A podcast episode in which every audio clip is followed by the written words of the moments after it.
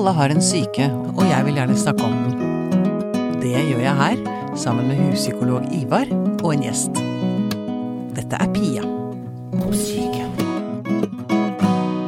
Simen, det er så kult å ha deg tilbake i studio. Takk for eh, invitasjonen. Det er veldig stas å være tilbake. Begynner å bli lenge siden. Jeg gjør det. Har du savna meg? Ja, absolutt. Har du det? Har det, altså. Ja, det er bra. I en, eh, I en travel hverdag så er dette fint sånn krydder. Ja, Det er kult å være tilbake, altså. er kult. Ja. Det er jeg glad for å høre. Det er jeg veldig glad for å høre. Um, og du er jo nå faktisk si, vikar for vikaren. Uh, ja. Fordi Ivar Goksør er jo egentlig huspsykologen da på disse episodene vi gjør om psykedelika. Ikke sant? Men han var opptatt Ja. i dag. Eh, så da kom du inn som vikar. God, god nummer tre. Stas. Det er fint. Ja, det lever jeg godt med. Ja, det er bra. Ja.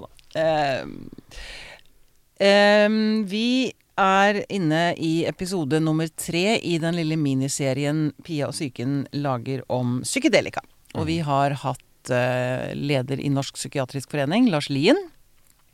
Så har vi hatt eh, sosiolog, professor i sosiologi, vel er han vel, eh, Willy Pedersen, som nummer to. Og nå kommer den gode nummer tre. Ok. Og nå har vi nemlig fått tak i en såkalt trippsitter. Oskar Bull Hansen, velkommen. Takk, Pia. Veldig fint å være her. Eh, trips er sånn jeg, jeg har jo beveget meg inn i denne verden og er storøyd og storøret, holdt jeg på å si. Um, uh, for jeg tenker trippsitter Altså, det høres det, du gjør, Oskar, det er at du sitter sammen med folk som doper seg. Ja. Det, det er det. Det er rett og slett det du gjør. Så er det litt, litt sånn for å etterarbeide også.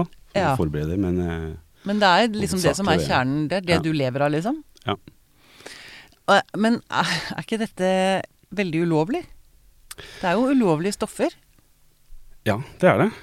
Um, så det er jo MDMA og psilocybin som jeg jobber med for det meste. Mm. Um, så det er jo narkotikaklassifisert. Mm.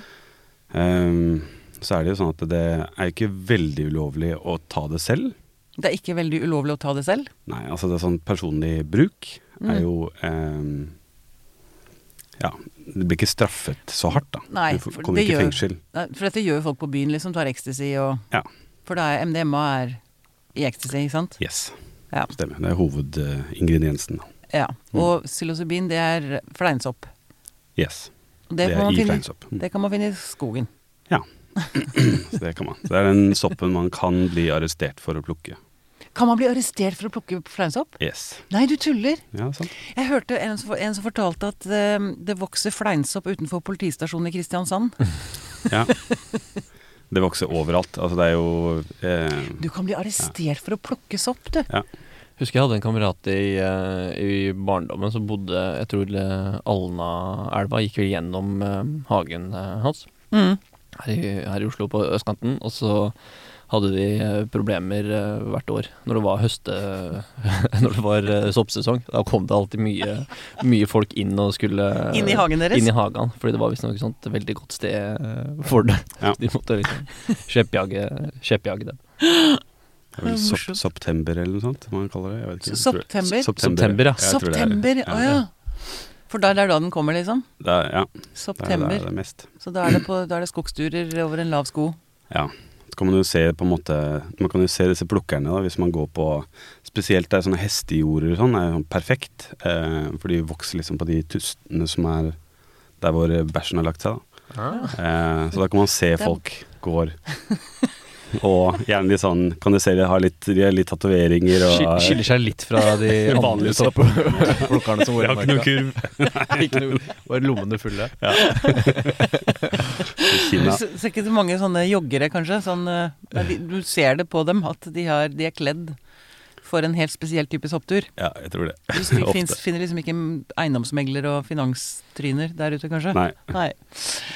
Ok, nå mista jeg helt tråden her, men det er vi jo vant til her i Pia og psyken. Um, uh, altså, du er trippsitter. Mm. Eh, og Ulovlighet. ulovlighet. Takk, takk. Uh, godt du har eh, hjernen med deg. Yes. Um, mm. Eh, eh, ulovlighet. Altså, folk Du er helt åpen. Du har en nettside, det var der jeg fant deg. Ja. På at Tripsit, MDMA, psilocybin. Mm. Ehm, hva gjør man da, man, hvis man ringer deg eller og sier 'nå vil jeg tas opp'? Ja, Så det er jo Det jeg gjør, er jo hjelpe folk til som allerede har bestemt seg for at de vil ha en psykedelisk opplevelse, Mm. til å gjøre det på så trygg måte som mulig. Ja. Um, så da kommer de til meg, de har lest seg opp, de har kanskje sett en dokumentar, de har hørt om hørt på en podkast, og så tenker de at dette er riktig for meg. Mm. Eh, og så har de bestemt seg, og så kommer de til meg. Ehm, og så prøver man å utrede om det er riktig vei for dem å gå. Mm. Um, og så prøver man å optimalisere prosessen sånn Ja, men får For du stiller spørsmål, liksom? Hvor Ja. er du, hvem er du? Ja. Du sjekker dem.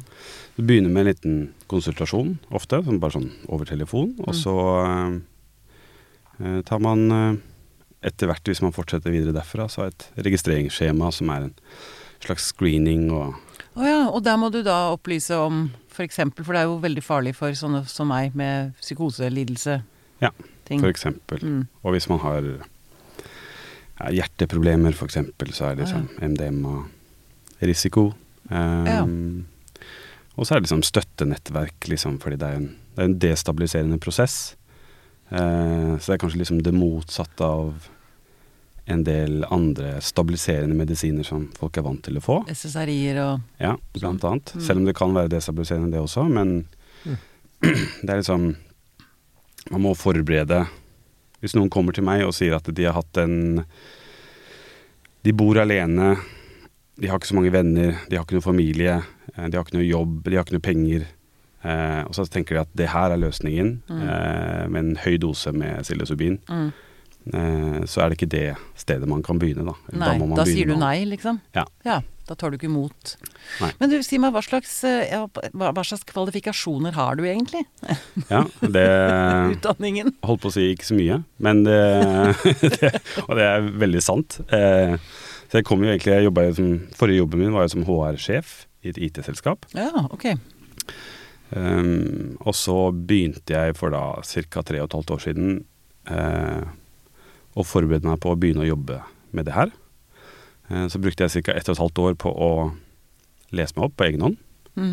Um, det fins jo Det er ganske begrensa mengde kurs og på en måte sertifiseringer og sånne ting. Um, Du, har ikke, du har ikke, fikk, fikk ikke tilbud om det på psykologistudiet du, Simen? Uh, ikke mm, Ikke på skolen i hvert fall, nei. Nei. Ok, unnskyld, jeg avbrøt deg, Oskar. Nei, ja, så det eh, Så det var en del kurs og eh, Men kurs da i Norge, eller? eh? Nei, det var i eh, I USA, så det var to kurs da som jeg Ja. tok i USA. Ja. Um, Tripsity-kurs? Ja, eller sånn psykedelisk terapikurs, da. Og så er jeg egentlig retta mer for forberedelse og integrasjon, og liksom innenfor dette som er skadereduksjons Ja. på en måte syftet, da. Ja. Um, Ok, uh, nettopp. Mm. Eh, og men har du egen erfaring òg, da? yes, og det begynte jo en del år før, da. Så det er liksom Ja. ti år siden. Du har trippa en del? Har trippa en del, ja. Mm. Så i begynnelsen så visste jeg ikke Jeg var bare fascinert av det, men visste ikke hva Visste ikke at det kunne brukes til noe, på en måte. Nei, Så akkurat. det var liksom Jeg hadde fått et nytt verktøy som var liksom Var veldig fint. ja, Veldig fascinerende. ja. Men eh, jeg ante ikke hvordan man skulle bruke det. da, ikke sant? Nei, Sitter man bare der og hamrer med det. Så har det vært en eh, Det har vært en reise der jeg har skrevet veldig mye bøker om det. Fra eh, altså 50-tallet eh, og, og opp til nå, da. Mm. Men eh, ja, for vi har snakket litt om disse her um, forløperne, altså ja, Det er jo mange. Han, hva het han derre Å, det var den som gratulerte meg med Happy Bicycle Day. ja, Albert Hoffmann Albert, ja, ikke sant. LSD. Han som ja. fant opp LSD-en mm, by accident, var det vel? Hadde en sykkeltur. Ja. En famøs sykkeltur. Ja, Det er veldig morsomt. Jeg husker ikke så mye av det, men jeg husker jeg leste det for lenge siden. Mm. stemmer. Så du har liksom de gamle, gamle gutta der, da. Og Hoffmann var jo en kjemiker, så ikke så mye inn i liksom terapeutiske bruker, men så er det en del andre, Stanislav Groff for eksempel, som er en uh, psykiater som er liksom gudfaren LSD-terapiens Stanislav gudfar. Groff, ja, han har jo også um, vært borti. Mm. Um, og han har jo skrevet uh, ja, sikkert ti bøker om det. Um, så det har vært på en måte veldig mye sånn egne studier, da.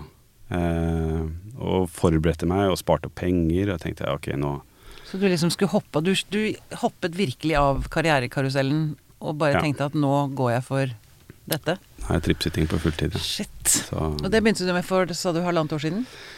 nei, jeg begynte, å, Tenke på det. jeg begynte å tenke på det for tre og et halvt år siden, og Ja. for, et, nei, for to år siden nå så, så hoppet jeg ut i det. da. Eh, Og det, går det bra, businessen? Det går veldig fint. Ja, det har vært eh, over all forventning.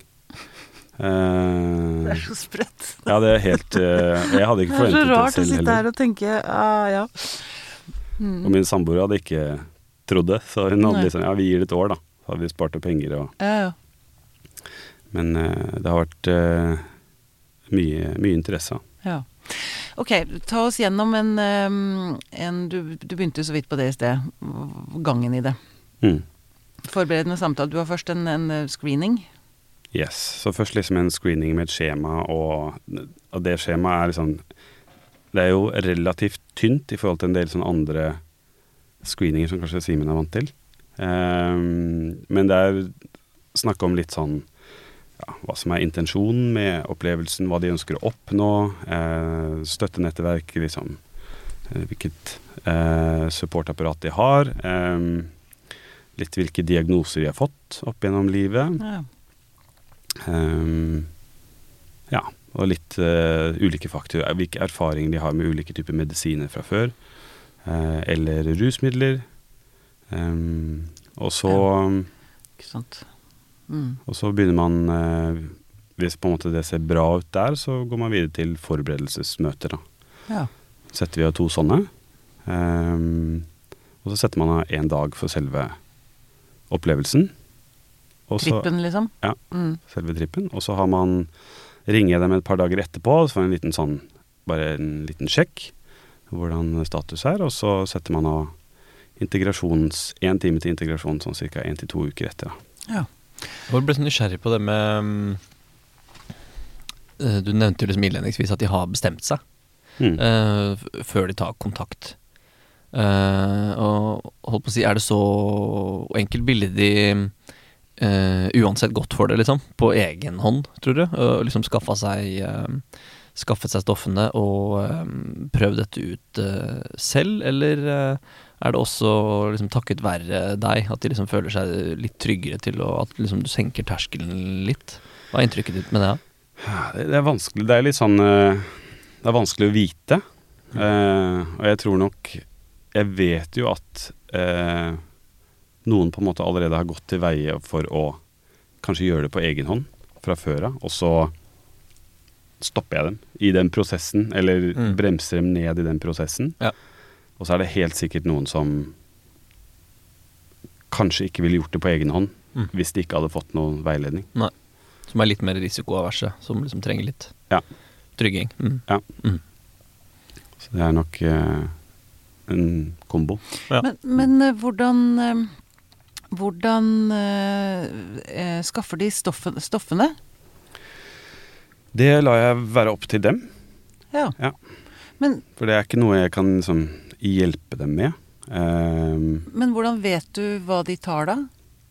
det er jo, altså For sopp så kan man jo identifisere det med øyet. Altså man kan se på soppen hva slags type sopp det er. Å ja. um, mm, Ok. Man kan kjenne det igjen. Og så, Men så det, sant, hvis, hvis det kommer en Hvis jeg hadde kommet til deg med to piller og sagt eh, 'her er det jeg skal ta', mm, sier du bare 'go, go girl', og så Ja, nei, ikke helt, da. uh, så det er jo øh, For det første så er det fleste i hvert fall folk får tak i i Norge, er liksom Hvis det er snakk om MDMA, så er det ofte krystaller. Ja, Eh, så det er veldig sjelden eh, folk har hatt piller. ok. Ehm, så det er vel mer vanlig i krystallform, i hvert fall her i Norge. da. Okay. Um, og så fins det noen sånne reagenter, som er en sånn type væske som reagerer med ulike eh, stoffer og gir ulike fargekoder for å indikere hvilket stoff det er. da. Altså du kan teste stoffet, rett og slett. For Yes. du, du kan jo ikke sitte Ikke sant, du kan ikke man, du, Jeg får, hele, jeg nesten litt sånn hjertebank tenke på at det kommer et menneske og sier ta, altså, du, Ja. Plutselig så er det heroin eller altså, Jeg vet da faen jeg hva Ja. man kan Altså jeg kan jo veldig lite om dette. Mm.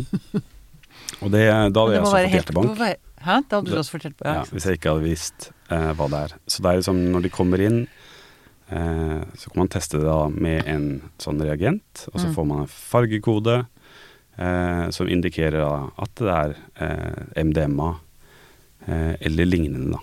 Det er litt Ja. vanskelig å skille mellom MDA for eksempel og MDMA. Men okay. Okay. Og det, det er det vel noen apoteker som også driver med i noen, noen land, gjør ikke det i Norge da? Med at du kan komme inn med, Du, ja, med dopet du har tenkt til å ta, og så kan du få det testet der, og så kan du få en rask vurdering på men har det hvor kom, farlig dette er. kommet et tilbud Jeg tror det er Rusdirektoratet eller noe sånt nå har Det så jeg her forleden. Mm. Foreningen for tryggere rus, tror jeg, som ja, har ikke sant? Som eh, har en teststasjon. Kom inn yes. og test dopet ditt. mm, Det er jo det, det, er så, det er så rart dette, fordi det, det er som om to motkrefter Altså Ja. holder på å jobbe mot hverandre. Altså rusreformen og ikke sant? Det er så mange, mye som skjer på dette feltet akkurat nå. Jeg, Mm. jeg har lyst til å høre med deg, Simen, hva du sånn eh, Hva tenker du, føler du, eh, etter det Oskar har fortalt? Hva er dine tanker sånn umiddelbart, liksom? Eh, Nei, jeg kjenner igjen det du sier, at det er mye forskjellige krefter i, i samfunnet. Så liksom noen er, som er for, og som er mot, og som er for trygghet og liksom da tilgjengeliggjøring. Og kjenner kanskje litt på det på innsida også, sånn som du kjenner på, tror jeg. At Dette her er jo eh, lovende og spennende, og det er et felt i, i ravende utvikling.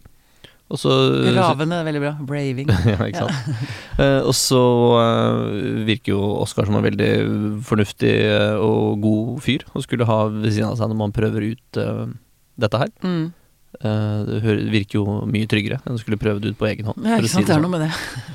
Og så kjenner jeg også litt på den, uh, den bekymringa som du eh, setter ord på, da. Mm. Nesten sånn eh, på vegne av Oskar. Ikke at det er min plass å være engstelig på vegne av deg i det hele tatt, men ah, det er litt skummelt, da. Altså, du kan aldri vite helt 100% hva de eh, kommer inn med av stoffer, eller hvilke reaksjoner de vil ha på, det. Jeg som Nei. psykolog syns jo det er ganske digg å si til pasienter med alskens medisinspørsmål, for mindre potente eh, medisiner enn, eh, eller stoffer enn dette her, da, og sier Mm. jeg, jeg er ikke medisinsk utdanna. Ikke sant. Du bare fraskriver deg ethvert ansvar. Nesten, men, jeg, Eh. men det er en flink psykiater nedi gangen her, så vi kan jo liksom finne det ut, da. Mm. Uh, og det syns jeg er litt deilig, fordi eh, medisiner er eh, komplisert. Menneskekroppen er komplisert. Mm.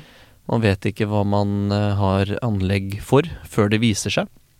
Men så er det dette som jeg har snakket med andre om Nå husker jeg ikke om vi har gjort det på Ja, men eh, det spiller ingen rolle. Men um, uh, man kan jo reagere uh, Jo, det var Michael Pollen. Jeg leste et intervju med i bladet Psykisk helse, Ja. som snakket om dette med farer. Eh, så sa han altså fare for uh, schizofreni? Det er jo sk skremselspropaganda. Det kan utløse psykose Ja, osv. Men så Det er jo ikke Beklager at jeg avbryter deg. Uh, men altså, propaganda er vel å, å ta hardt i. Det er jo en kjensgjerning at uh, rus, og særlig sentralstimulerende stoffer, kan Uh, sette i gang en, en debut av en underliggende Ja, psykose. men, men hans svar var Men det kan også, hvis foreldrene dine skiller seg, kan du få en psykose. Altså hvis du drikker jævlig mye alkohol, Mm. kan utløse en psykose. SSRI-preparater kan utløse eh, altså både selvmord ikke sant? Av og på SSRI-er er Altså det er han, han satte det så bra i perspektiv for meg, da.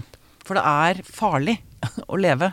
Altså Jo da, men det er jo greit å minimere noen risikoer, selv om det for øvrig er farlig å, å leve. Og um, Jo, men ikke sant, sånn som de ville jo veldig gjerne at jeg skulle begynne på Serokveld. ja. Eh, og det tvang de jo i meg da jeg var tvangsinnlagt. Ja. Eh, eller jeg tok det, fordi jeg skjønte at de ville tvangsmedisinere meg hvis jeg ikke tok det. Så jeg tok det på, av egen fri vilje. Mm. Det er altså noe av det mest groteske jeg har vært borti. Mm. Det ja, det var saker. helt jævlig. Altså, det var jo, jeg hadde jo sånn, så høy angst inni meg, men så klarte jeg ikke å bevege meg. Jeg fikk jo ikke avreagert. Det var, det var virkelig noe av det mest skremmende jeg har opplevd. Mm. Ever. Ja ja, herregud. Um, Og så komplisert, da. Eh, Medisinske stoffer er så komplisert. Det reagerer man så forskjellig på. Altså antidepressiva også. Så ulike reaksjoner hvordan folk har på det. Så Så det, er, det er det vi eh, har lyst på, det perspektivet på det også. At det psykiatrien driver med, er jo ikke alltid Altså det er jo ikke trygt, det heller. Nei, men det blir litt sånn whataboutism, da. Andre er også Nei, eh, gjør det det? Ja, litt, syns jeg. Eh, men jeg er nok litt prega av at jeg har sett en del sånne brå uh, psykosedebuter eh, blant unge Ja. av, eh, av Av rus. ecstasy eller Ikke av eh, alkohol eh, direkte, selv om det også kan skje, men mest av, av eh, kokain, tenker jeg. Ja, også av, eh, av hasj, eh, men også Ja. mest av partydopene, da. Ja, ikke sant. Eh, Ecstasy det, ja. Og det er jo ikke bare dopet sitt skyld, det, men det er underliggende ting som Ja, ligger der, da, ja, som man ikke kan veite om. Ja, men det er akkurat det. De unge, der er jeg helt enig. Der, det er eh, skummelt. Eh, har du noen aldersgrense, Oskar? På Ja, jeg har vel eh, 18. mm, Det er vel mm. Men så er det på en måte igjen dette med eh, støtteapparat og sånn som er veldig viktig, da. Mm. Ja. For det har jeg også lært via en annen podkast som vi har laget med Siden kom jeg på nå, Simen. Trygg Trafikk. Utrygg Trafikk. Hvor du Mm. var i studio som ekspert. Mm. Eh, hvor vi snakket om at hjernen er jo ikke ferdig utvikla før vi er 25. Eller i hvert fall hos gutter er det vel 25 og jenter 22 eller noe sånt, nå, tror jeg. Noe sånt, ja. Ja. ja. Ok, nå spora jeg av igjen. Ehm, eh, tilbake til trippen. Mm. Selve dagen. Selve Nei, ja, nei, det var det jeg hadde lyst til å spørre om. Um, vi, vi var innom det. Eh, det kan skje ubehagelige ting. Altså det er jo ikke bare blomster og bier og solskinn Mm. eh, på en tripp. Nei. Nei.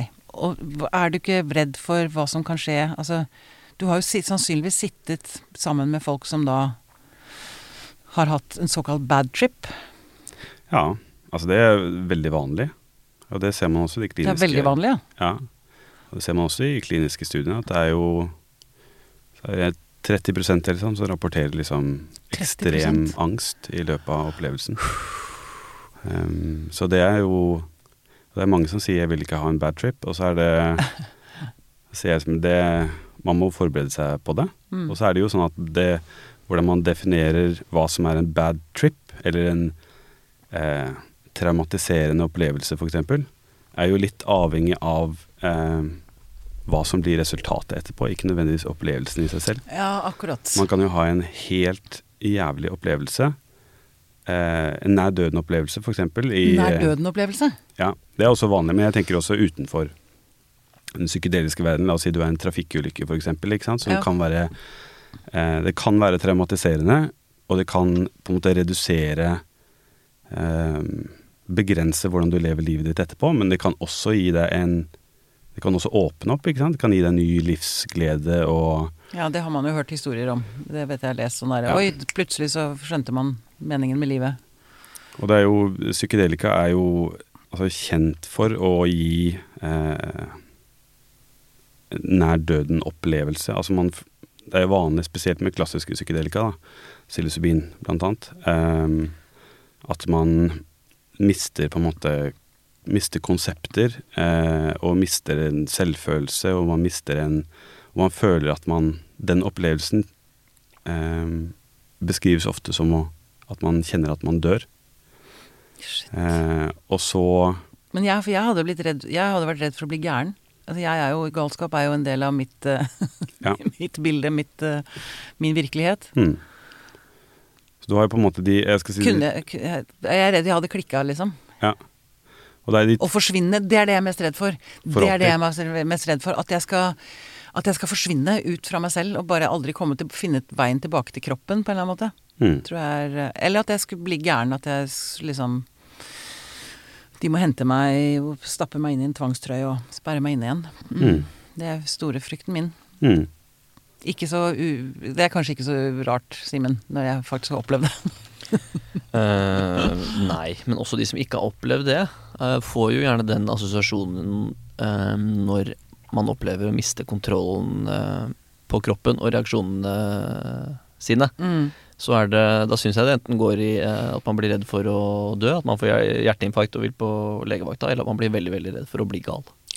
Som en, tenker jeg, en ganske naturlig reaksjon jeg, på det Ja. at man eh, har en så endra bevissthetsopplevelse. Uh, det kan jo sette i gang en, uh, en masse angst. Ja, ja. Men angst, angst er jo ikke nødvendigvis farlig i seg sjøl, som Oskar sier. Den uh, støtter jeg jo hvis man kommer ut av det på andre siden med en følelse av eh, kontroll og, og oversikt. Og, Ja, for det er, det er jo det Din jobb består jo også av det å få folk til å våge å gå inn i angsten sin, er det ikke det? Jo, Ja. det vil jeg absolutt si. kjenne på angsten, fordi da blir den ikke så farlig, eller et eller annet sånt noe. Ja, Mm. og ofte må det også til da, for at terapien skal eh, ha effekt. Man må skru til temperaturen litt. eh, kjenne på ting eh, på en måte man ikke gjør i det trivielle.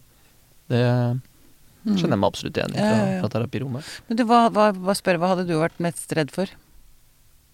Du- jeg hadde vært mest uh, redd for det du også beskriver, tror jeg.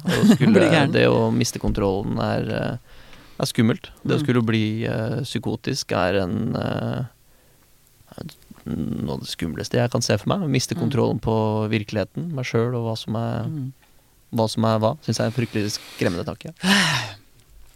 Eh, ja, eh, Oskar, få høre da, hva Eller eh, har, kan du fortelle noen historier? Noe av så, sånne groteske Altså skremsels La oss skremme vettet av folk nå.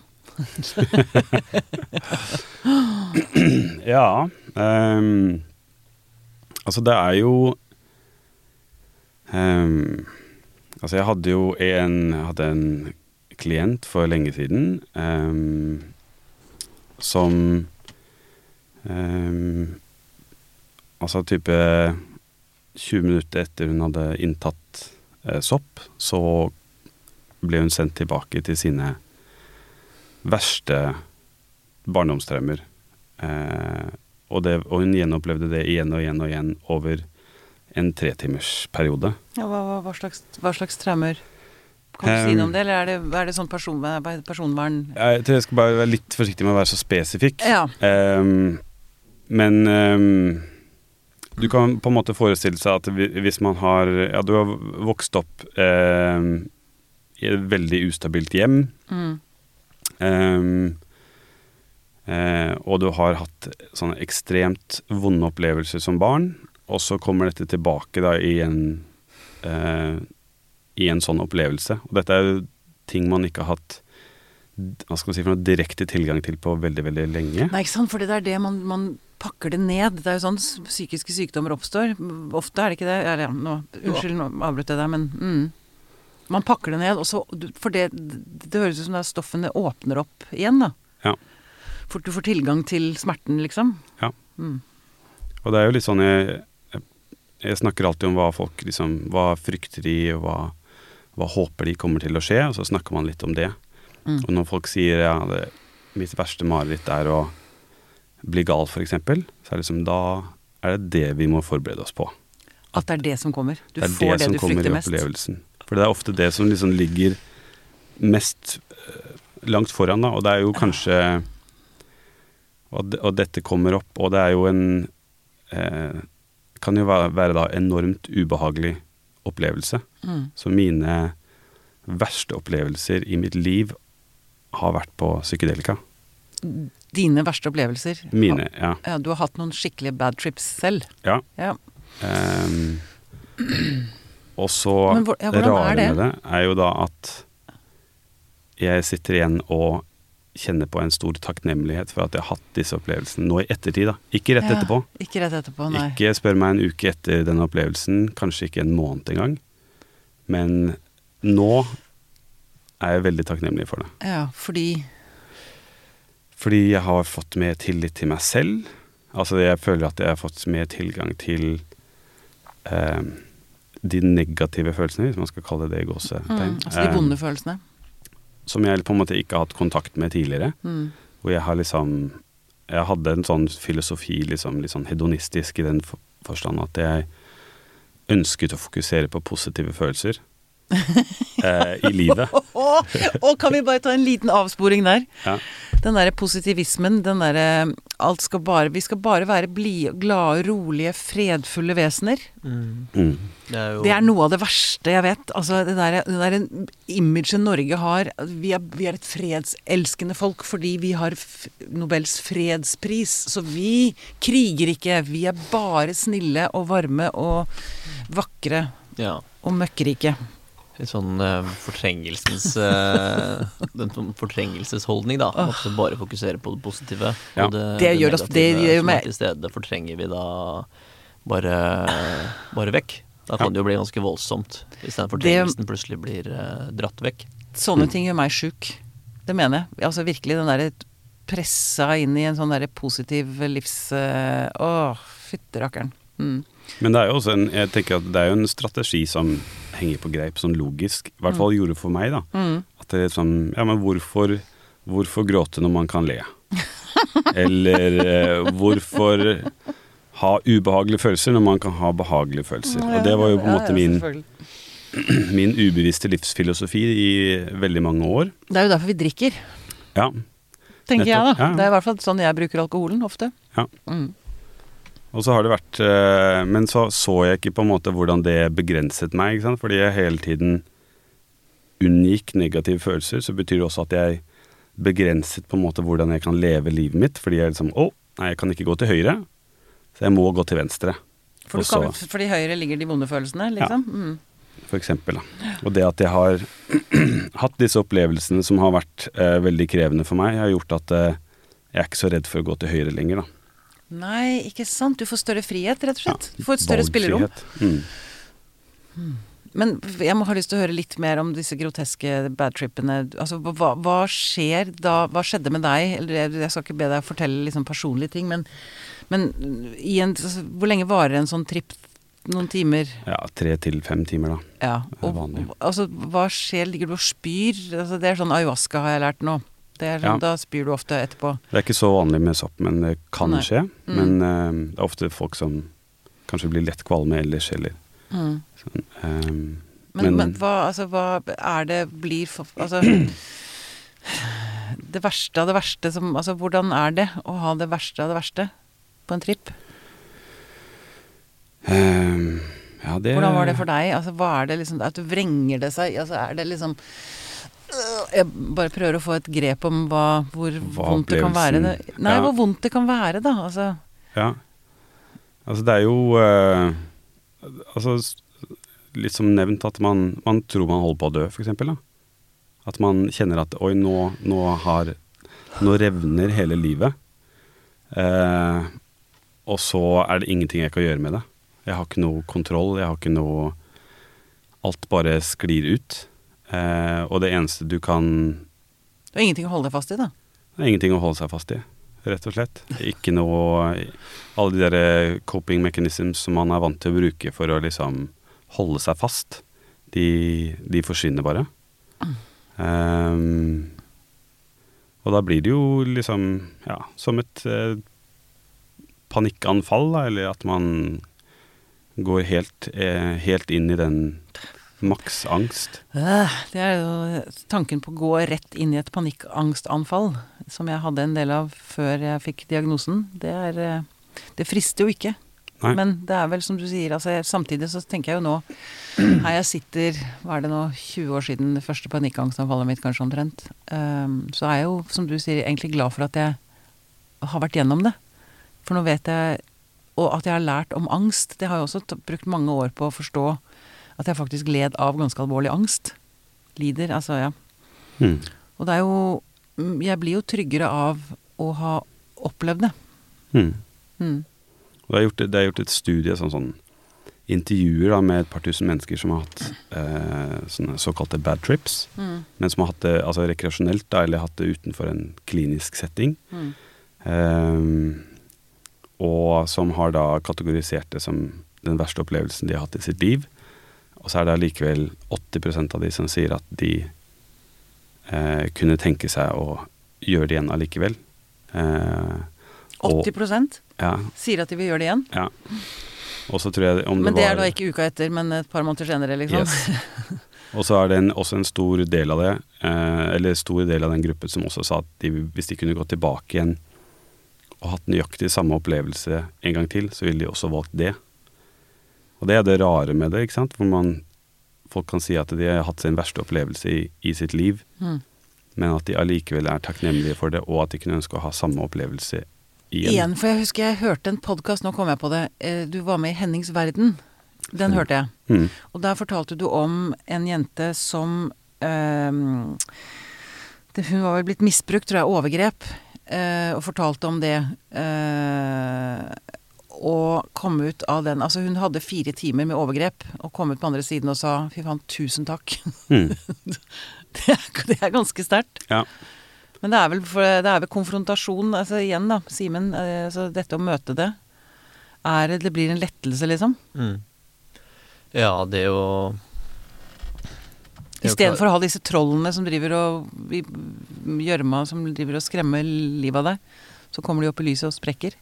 Klart det kan, kan ligge noe sunt i det. Mm. Det blir også eh, den ordinære eller altså psykoterapi for uh, traumelidelser også tydeligere på. At det må eksponering uh, eksponering. til, ikke bare eh, stabilisering eller håndtering av uh, av traumereaksjoner. traumereaksjoner. Du kan Mm. ikke bare lære deg å, å leve med det. For å få god effekt av den traumebehandlingen, så må det også noe eksponering til.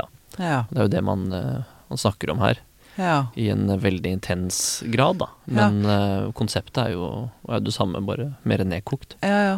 For traume der, ja, akkurat der, der, snappet jeg også opp um, noe om at traumeforskningen Der skjer det også ganske mye om dagen. Vet du noe om det? Altså dette med eksponering. Jeg bare hørte, hørte noe om det her forleden. ehm, at det er eh, Ja, det skjer store ting. Ja. Jeg er nok ikke rette person til å uttale meg om detaljene i det, men jeg vet at det er en, eh, en, en, eh, en dreining i, i feltet som, i, som har vært Det har vært mye fokus på stabilisering og stabiliseringskurs, altså uten å gå inn i spesifikke traumer, men det å lære seg å leve med traumereaksjoner på en bedre måte. Mm. Eh, hvor man har sett at det nok ikke funker i så stor grad man eh, skulle ønske, og at uh, behandlingsmoduler som inneholder en eksponeringsfaktor, er, er bedre på lang sikt. Ja, Ja. ja. Det skjer ting, kan vi vel si. trygt. ja da, må, ting må opp i lyset. Ja. Ja. Ja, sant. Men hva tror du da? Hva, hva tenker du, det lille du vet Jeg vet at du ikke kan så mye om dette feltet som Oskar representerer. Mm. Men hva er dine liksom hva, Har du lest noen forskning, og hva, hva tenker du når du Nei, dette er jeg eh, på, eh, på siden av, dette feltet. Ja, ja okay. Det er eh, mange deltakere på en eh, konferanse om dagen som eh, kan uttale seg mye bedre om det, men jeg, jeg følger det jo spent fra, fra sidelinja. Det er jo noen veldig lovende resultater som kommer frem. Det er Mm. vel ketaminbehandling for alvorlig depresjon som det liksom er tyngst eh, Ja, for det er eh, lovlig. evidens på. Ja, det brukes i, eh, i behandling. Men så er det også eh, spennende prosjekter på gang både med MDMA og psilocybin. Og det um, eh, har jeg et åpen sinn til, men jeg Ja. følger fra, mer fra sidelinja. Det er, hallo, få inn uh, mer og berike dette merkelige og kaotiske feltet som heter psykoterapi. Altså the, the more the merrier. Og så Mm. gjøres det jo på gode og kontrollerte måter i helse, helsesystemet, og begynner å knekke opp litt fordommer og, og tenke mer åpent rundt dette, Mm, virker det som. mm. Det er uh, kjempespennende. det er vi jo for, for det er jo ikke tvil om at uh, Altså, det er vel bare en Vi ser jo en økning uh, i depresjon også blant unge. Altså, det, det er, vi har jo ikke skjønt psyken vår. Nei da, det kommer vi nok aldri helt til å, å gjøre heller, men dette her kan være én eh, gren som Mm. kan funke bra for noen. For, Mm. for noen er det jo en eh, revolusjonerende opplevelse å prøve sånn elektrosjokkbehandling. Ja, ikke sant? ETC. Det er én helt egen gren som for noen er eh, livreddende, sant? men for, for andre ikke funker. Mm. Dette kan kanskje være noe av det samme, som virkelig, og anekdotene er jo tydelige, og det har jeg jo snakka med folk i, eh, i terapi om også, som har opplevelser på eh, psykedelika som er livsendrende. For noen. Jeg tror heller ikke at dette her blir noe eh, eh, revolusjon av Nei, eh, psykoterapien for Du tror ikke øvrig. det? For, det For er- enkeltmennesker, definitivt. Men, men, ikke for, eh, feltet som Altså så for verdensfreden, liksom? Nei, Eller- historien viser jo at de At nye behandlinger som tenker det i starten, ofte blir De får seg inn på trynet. Jeg får Sånn ikke på trynet. Det blir moderert over tid. For Ja. noen vil det sikkert funke dritbra. For andre vil det ikke funke. For noen er det farlig. Ja, jeg må forstå tenker, dette godt ut, og bruke det på best mulig måte for de som trenger det. sant? ja, for jeg opplever det jeg har lest, da. Altså, dette har jeg liksom lest og blitt oppmerksom på etter at vi hadde Ivar Koksør i studio for Ja. halvannet år siden, vel. Ja. Var det du som var huspsykolog da? Ja, ja, ja, ja. Det var da jeg begynte. Det var starten på min forskning, holdt jeg på å si. Eh, men for jeg opplever, når jeg har lest Michael Pollan, og at det, det snakkes jo om en revolusjon innenfor eh, mental helse. Alle Og alkoholisme, eh, depresjon, angst, PTSD, ja. kompleks PTSD. Husker jeg hadde en forelesning med en um, veldig sentral skikkelse innenfor uh, metakognitiv uh, terapi, når det var altså mer uh, nybrottsarbeid enn det var i dag. Mm. Og det var jo revolusjonen, det også. Det også, okay. For alle psykiske lidelser. Ja, Okay. I, I stedet P òg, for så vidt. ISTDP. Kognitiv terapi, ja. psykoanalyse for de som er fan av det. Ja, Så um, Ja, vi vil allerede alle verden, men det er jo ja, ingen ja. som får det til. Det- Vi skal få det til til slutt. Men hva tenker du, Oskar, om revolusjon? Altså akkurat det der er jeg helt, helt enig i. Mm. Og jeg tror, jeg tror at man eh, At det er fint å ha flere verktøy, eller flere Mm. metoder og Og denne typen terapi er jo en litt mer sånn fra bunnen opp-type terapi. Mm. Eh, så den er ikke like kognitiv. Eh, Den er ikke kognitiv, nei, ikke sant? på Den samme måte. kognitiv. Den er ikke, og ikke så styrt, kanskje. Mm. Um, og så er det sånn at de ehm, Ja, jeg sier til folk at hvis de på en måte finner en retning eller et eller annet som funker, Mm. så kan man fortsette med det. Og hvis det ikke funker lenger, eh, eller ikke funker i det hele tatt, så kan man prøve noe annet. Sant. Og at eh, psykedelika kan være en av de dørene man kan eh, prøve. Mm. Ehm, men eh, det er ikke alle som får Det er ikke for alle, det. For noen så er det liksom helt ehm, ja, livsendrende. De kan ha én opplevelse, og så eh, Og så er det rett og slett bare snudd på hodet, alt sammen. ikke sant? Og det er det folk håper på når man Mm. går inn i det. Mm. Quick Men- fix. The, the famous quick fix. Yes. Mm. Men for de aller fleste så er dette en av eh, mange dører de må åpne. Mm. Eh, og det kan være en lang prosess. Mm. Men eh, Som, som, som livet egentlig er.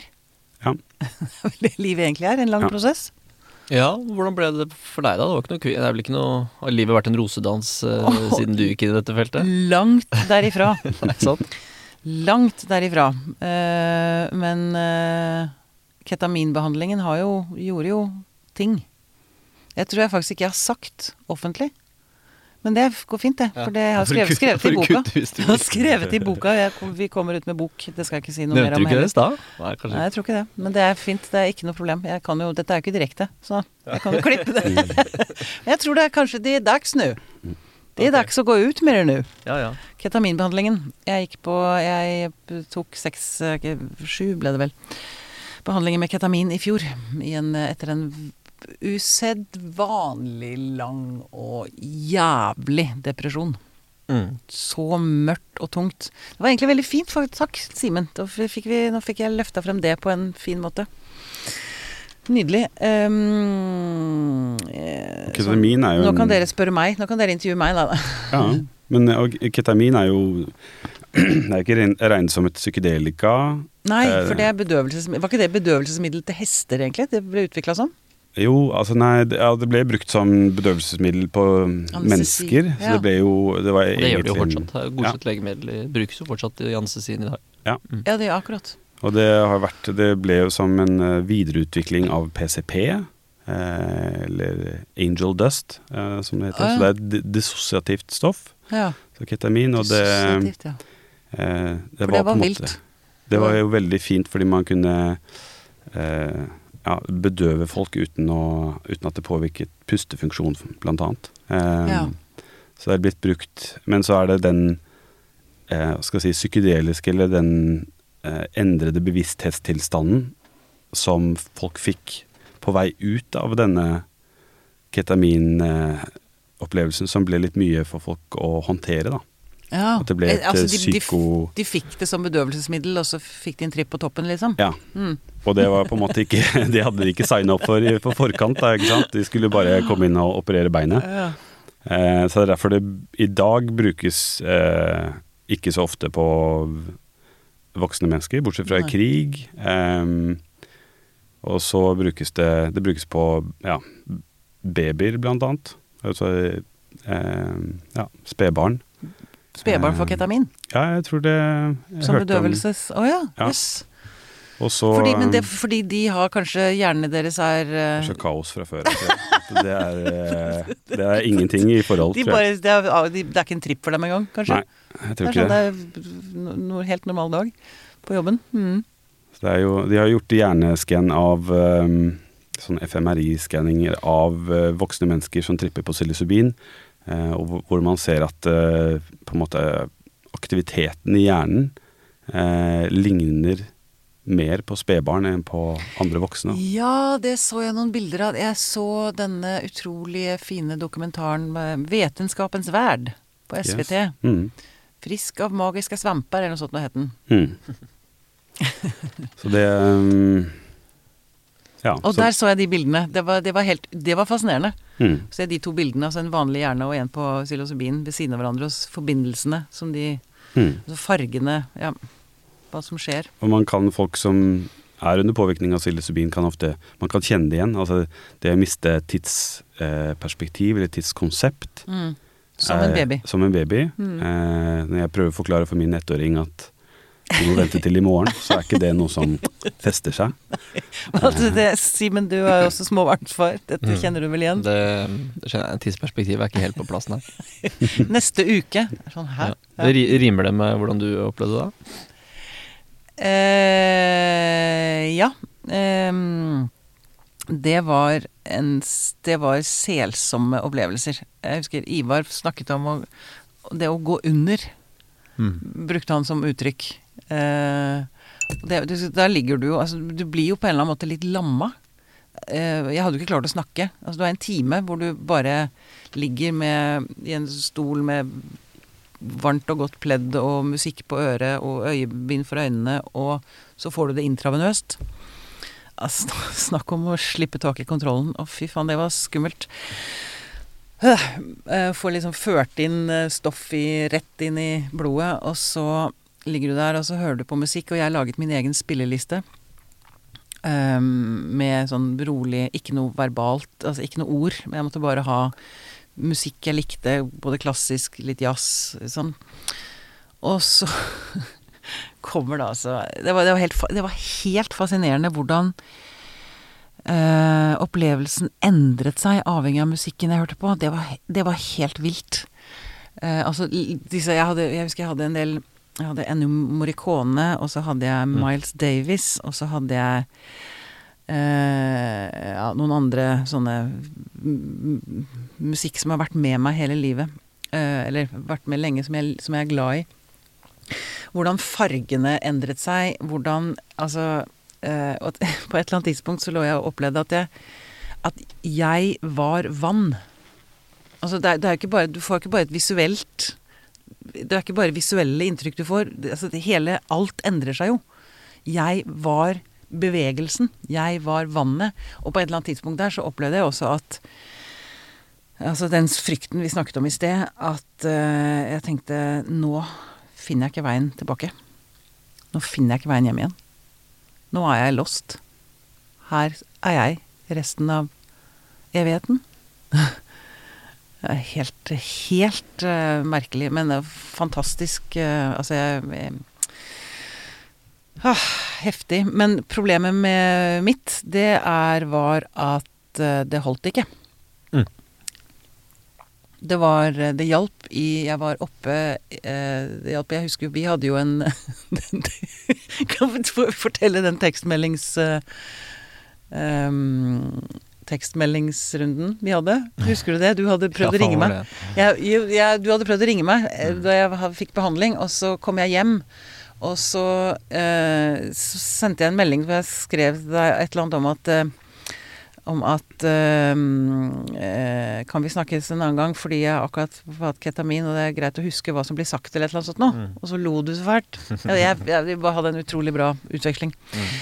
som eh, endte med at jeg hadde en latterkrampe av en annen verden. Og jeg husker jeg satt og tenkte fy faen, sånn har ikke jeg ledd siden jeg var liten. Mm, Det var det. helt utrolig god følelse av Ja, men det varte ikke. Men vi må dra på Simen, Simen har litt dårlig tid. Klokka er halv ti. Jeg må komme, jeg Du må komme deg av gårde. Ja. 9.27 er klokka nå. Ja. Noe dere vil si før vi avslutter? Noe viktig som må landes? Legges til. Um... Føler du, Oskar, kanskje mest? Nei, det var liksom litt sånn um, For meg så har eh, Jeg har tenkt på, litt på liksom hva som er mine terapiformer, eller hva som gir meg energi i livet. da. Mm. Eh, for meg så har psykedelika vært en viktig del av det. Mm. Um, men det er også veldig mye annet uh, som har vært viktig for meg, som er som en samtale med venner. Mm. Ehm, ja, det å få tid, for meg så er det å få tid til musikk eksempel, er viktig. Mm. At jeg eh, at jeg trenger alle disse ulike terapiformene for at jeg skal få næring til å ha det bra, da. Ja. um, Sant. Det er ikke noe quick fix. Det er egentlig nei, det vi er sier, liksom det- komplekst sammensatt. kompleks, ja. Og hvis man bare spiller på én hest, eh, hvis man bare tenker at det, Det er, jeg skal bare ta masse det er sopp, bare silkesvarten som vinner. Ja. Alltid. Så er kanskje Ja, jeg prøver liksom å hjelpe folk til å finne litt disse næringskildene, da, og prøve å kartlegge det litt, sånn at Ja. man kan eh, Ja, for det, det hjelper ikke å bare ha en, en soppopplevelse i hver tredje måned, og så Er eh, livet ferdig, eller så er det Ja, så er alt, eh, er man alt bra. Nei, Ja. Det, det, det å komme i kontakt med noe kan jo være veldig, veldig sunt og en start, men det er jo ikke liksom løsningen i seg, i seg sjøl. Noe må Nei. jo eh, Så du må gjøre jobben sjøl. ja, Man må gjøre noe annerledes hvis noe skal endres. Ja, Og sant. for å gjøre det trenger man innsikt, da. Mm. Det er nettopp derfor eh, terapiformer av ymse slag kan være til hjelp, men så må man jo det må, Gjøre må i gjøres noe tillegg. med. Ja. Mm. Ja, sant. Ja. Man må gjøre jobben. Mm. Rett og slett. Man må gå veien. Uansett hvor ubehagelig den er. Mm. Nydelig. Oskar Bull Hansen, tusen takk for at du kom til oss. Mm, tusen takk for at jeg fikk komme. Og lykke til med trippinga. Yes. Og tusen takk, Simen. Det var så fint. Igjen. Og veldig stas å være tilbake igjen. Kult. Da skal jeg spørre deg igjen. Gjør det. Kult. Ha det. Ha det.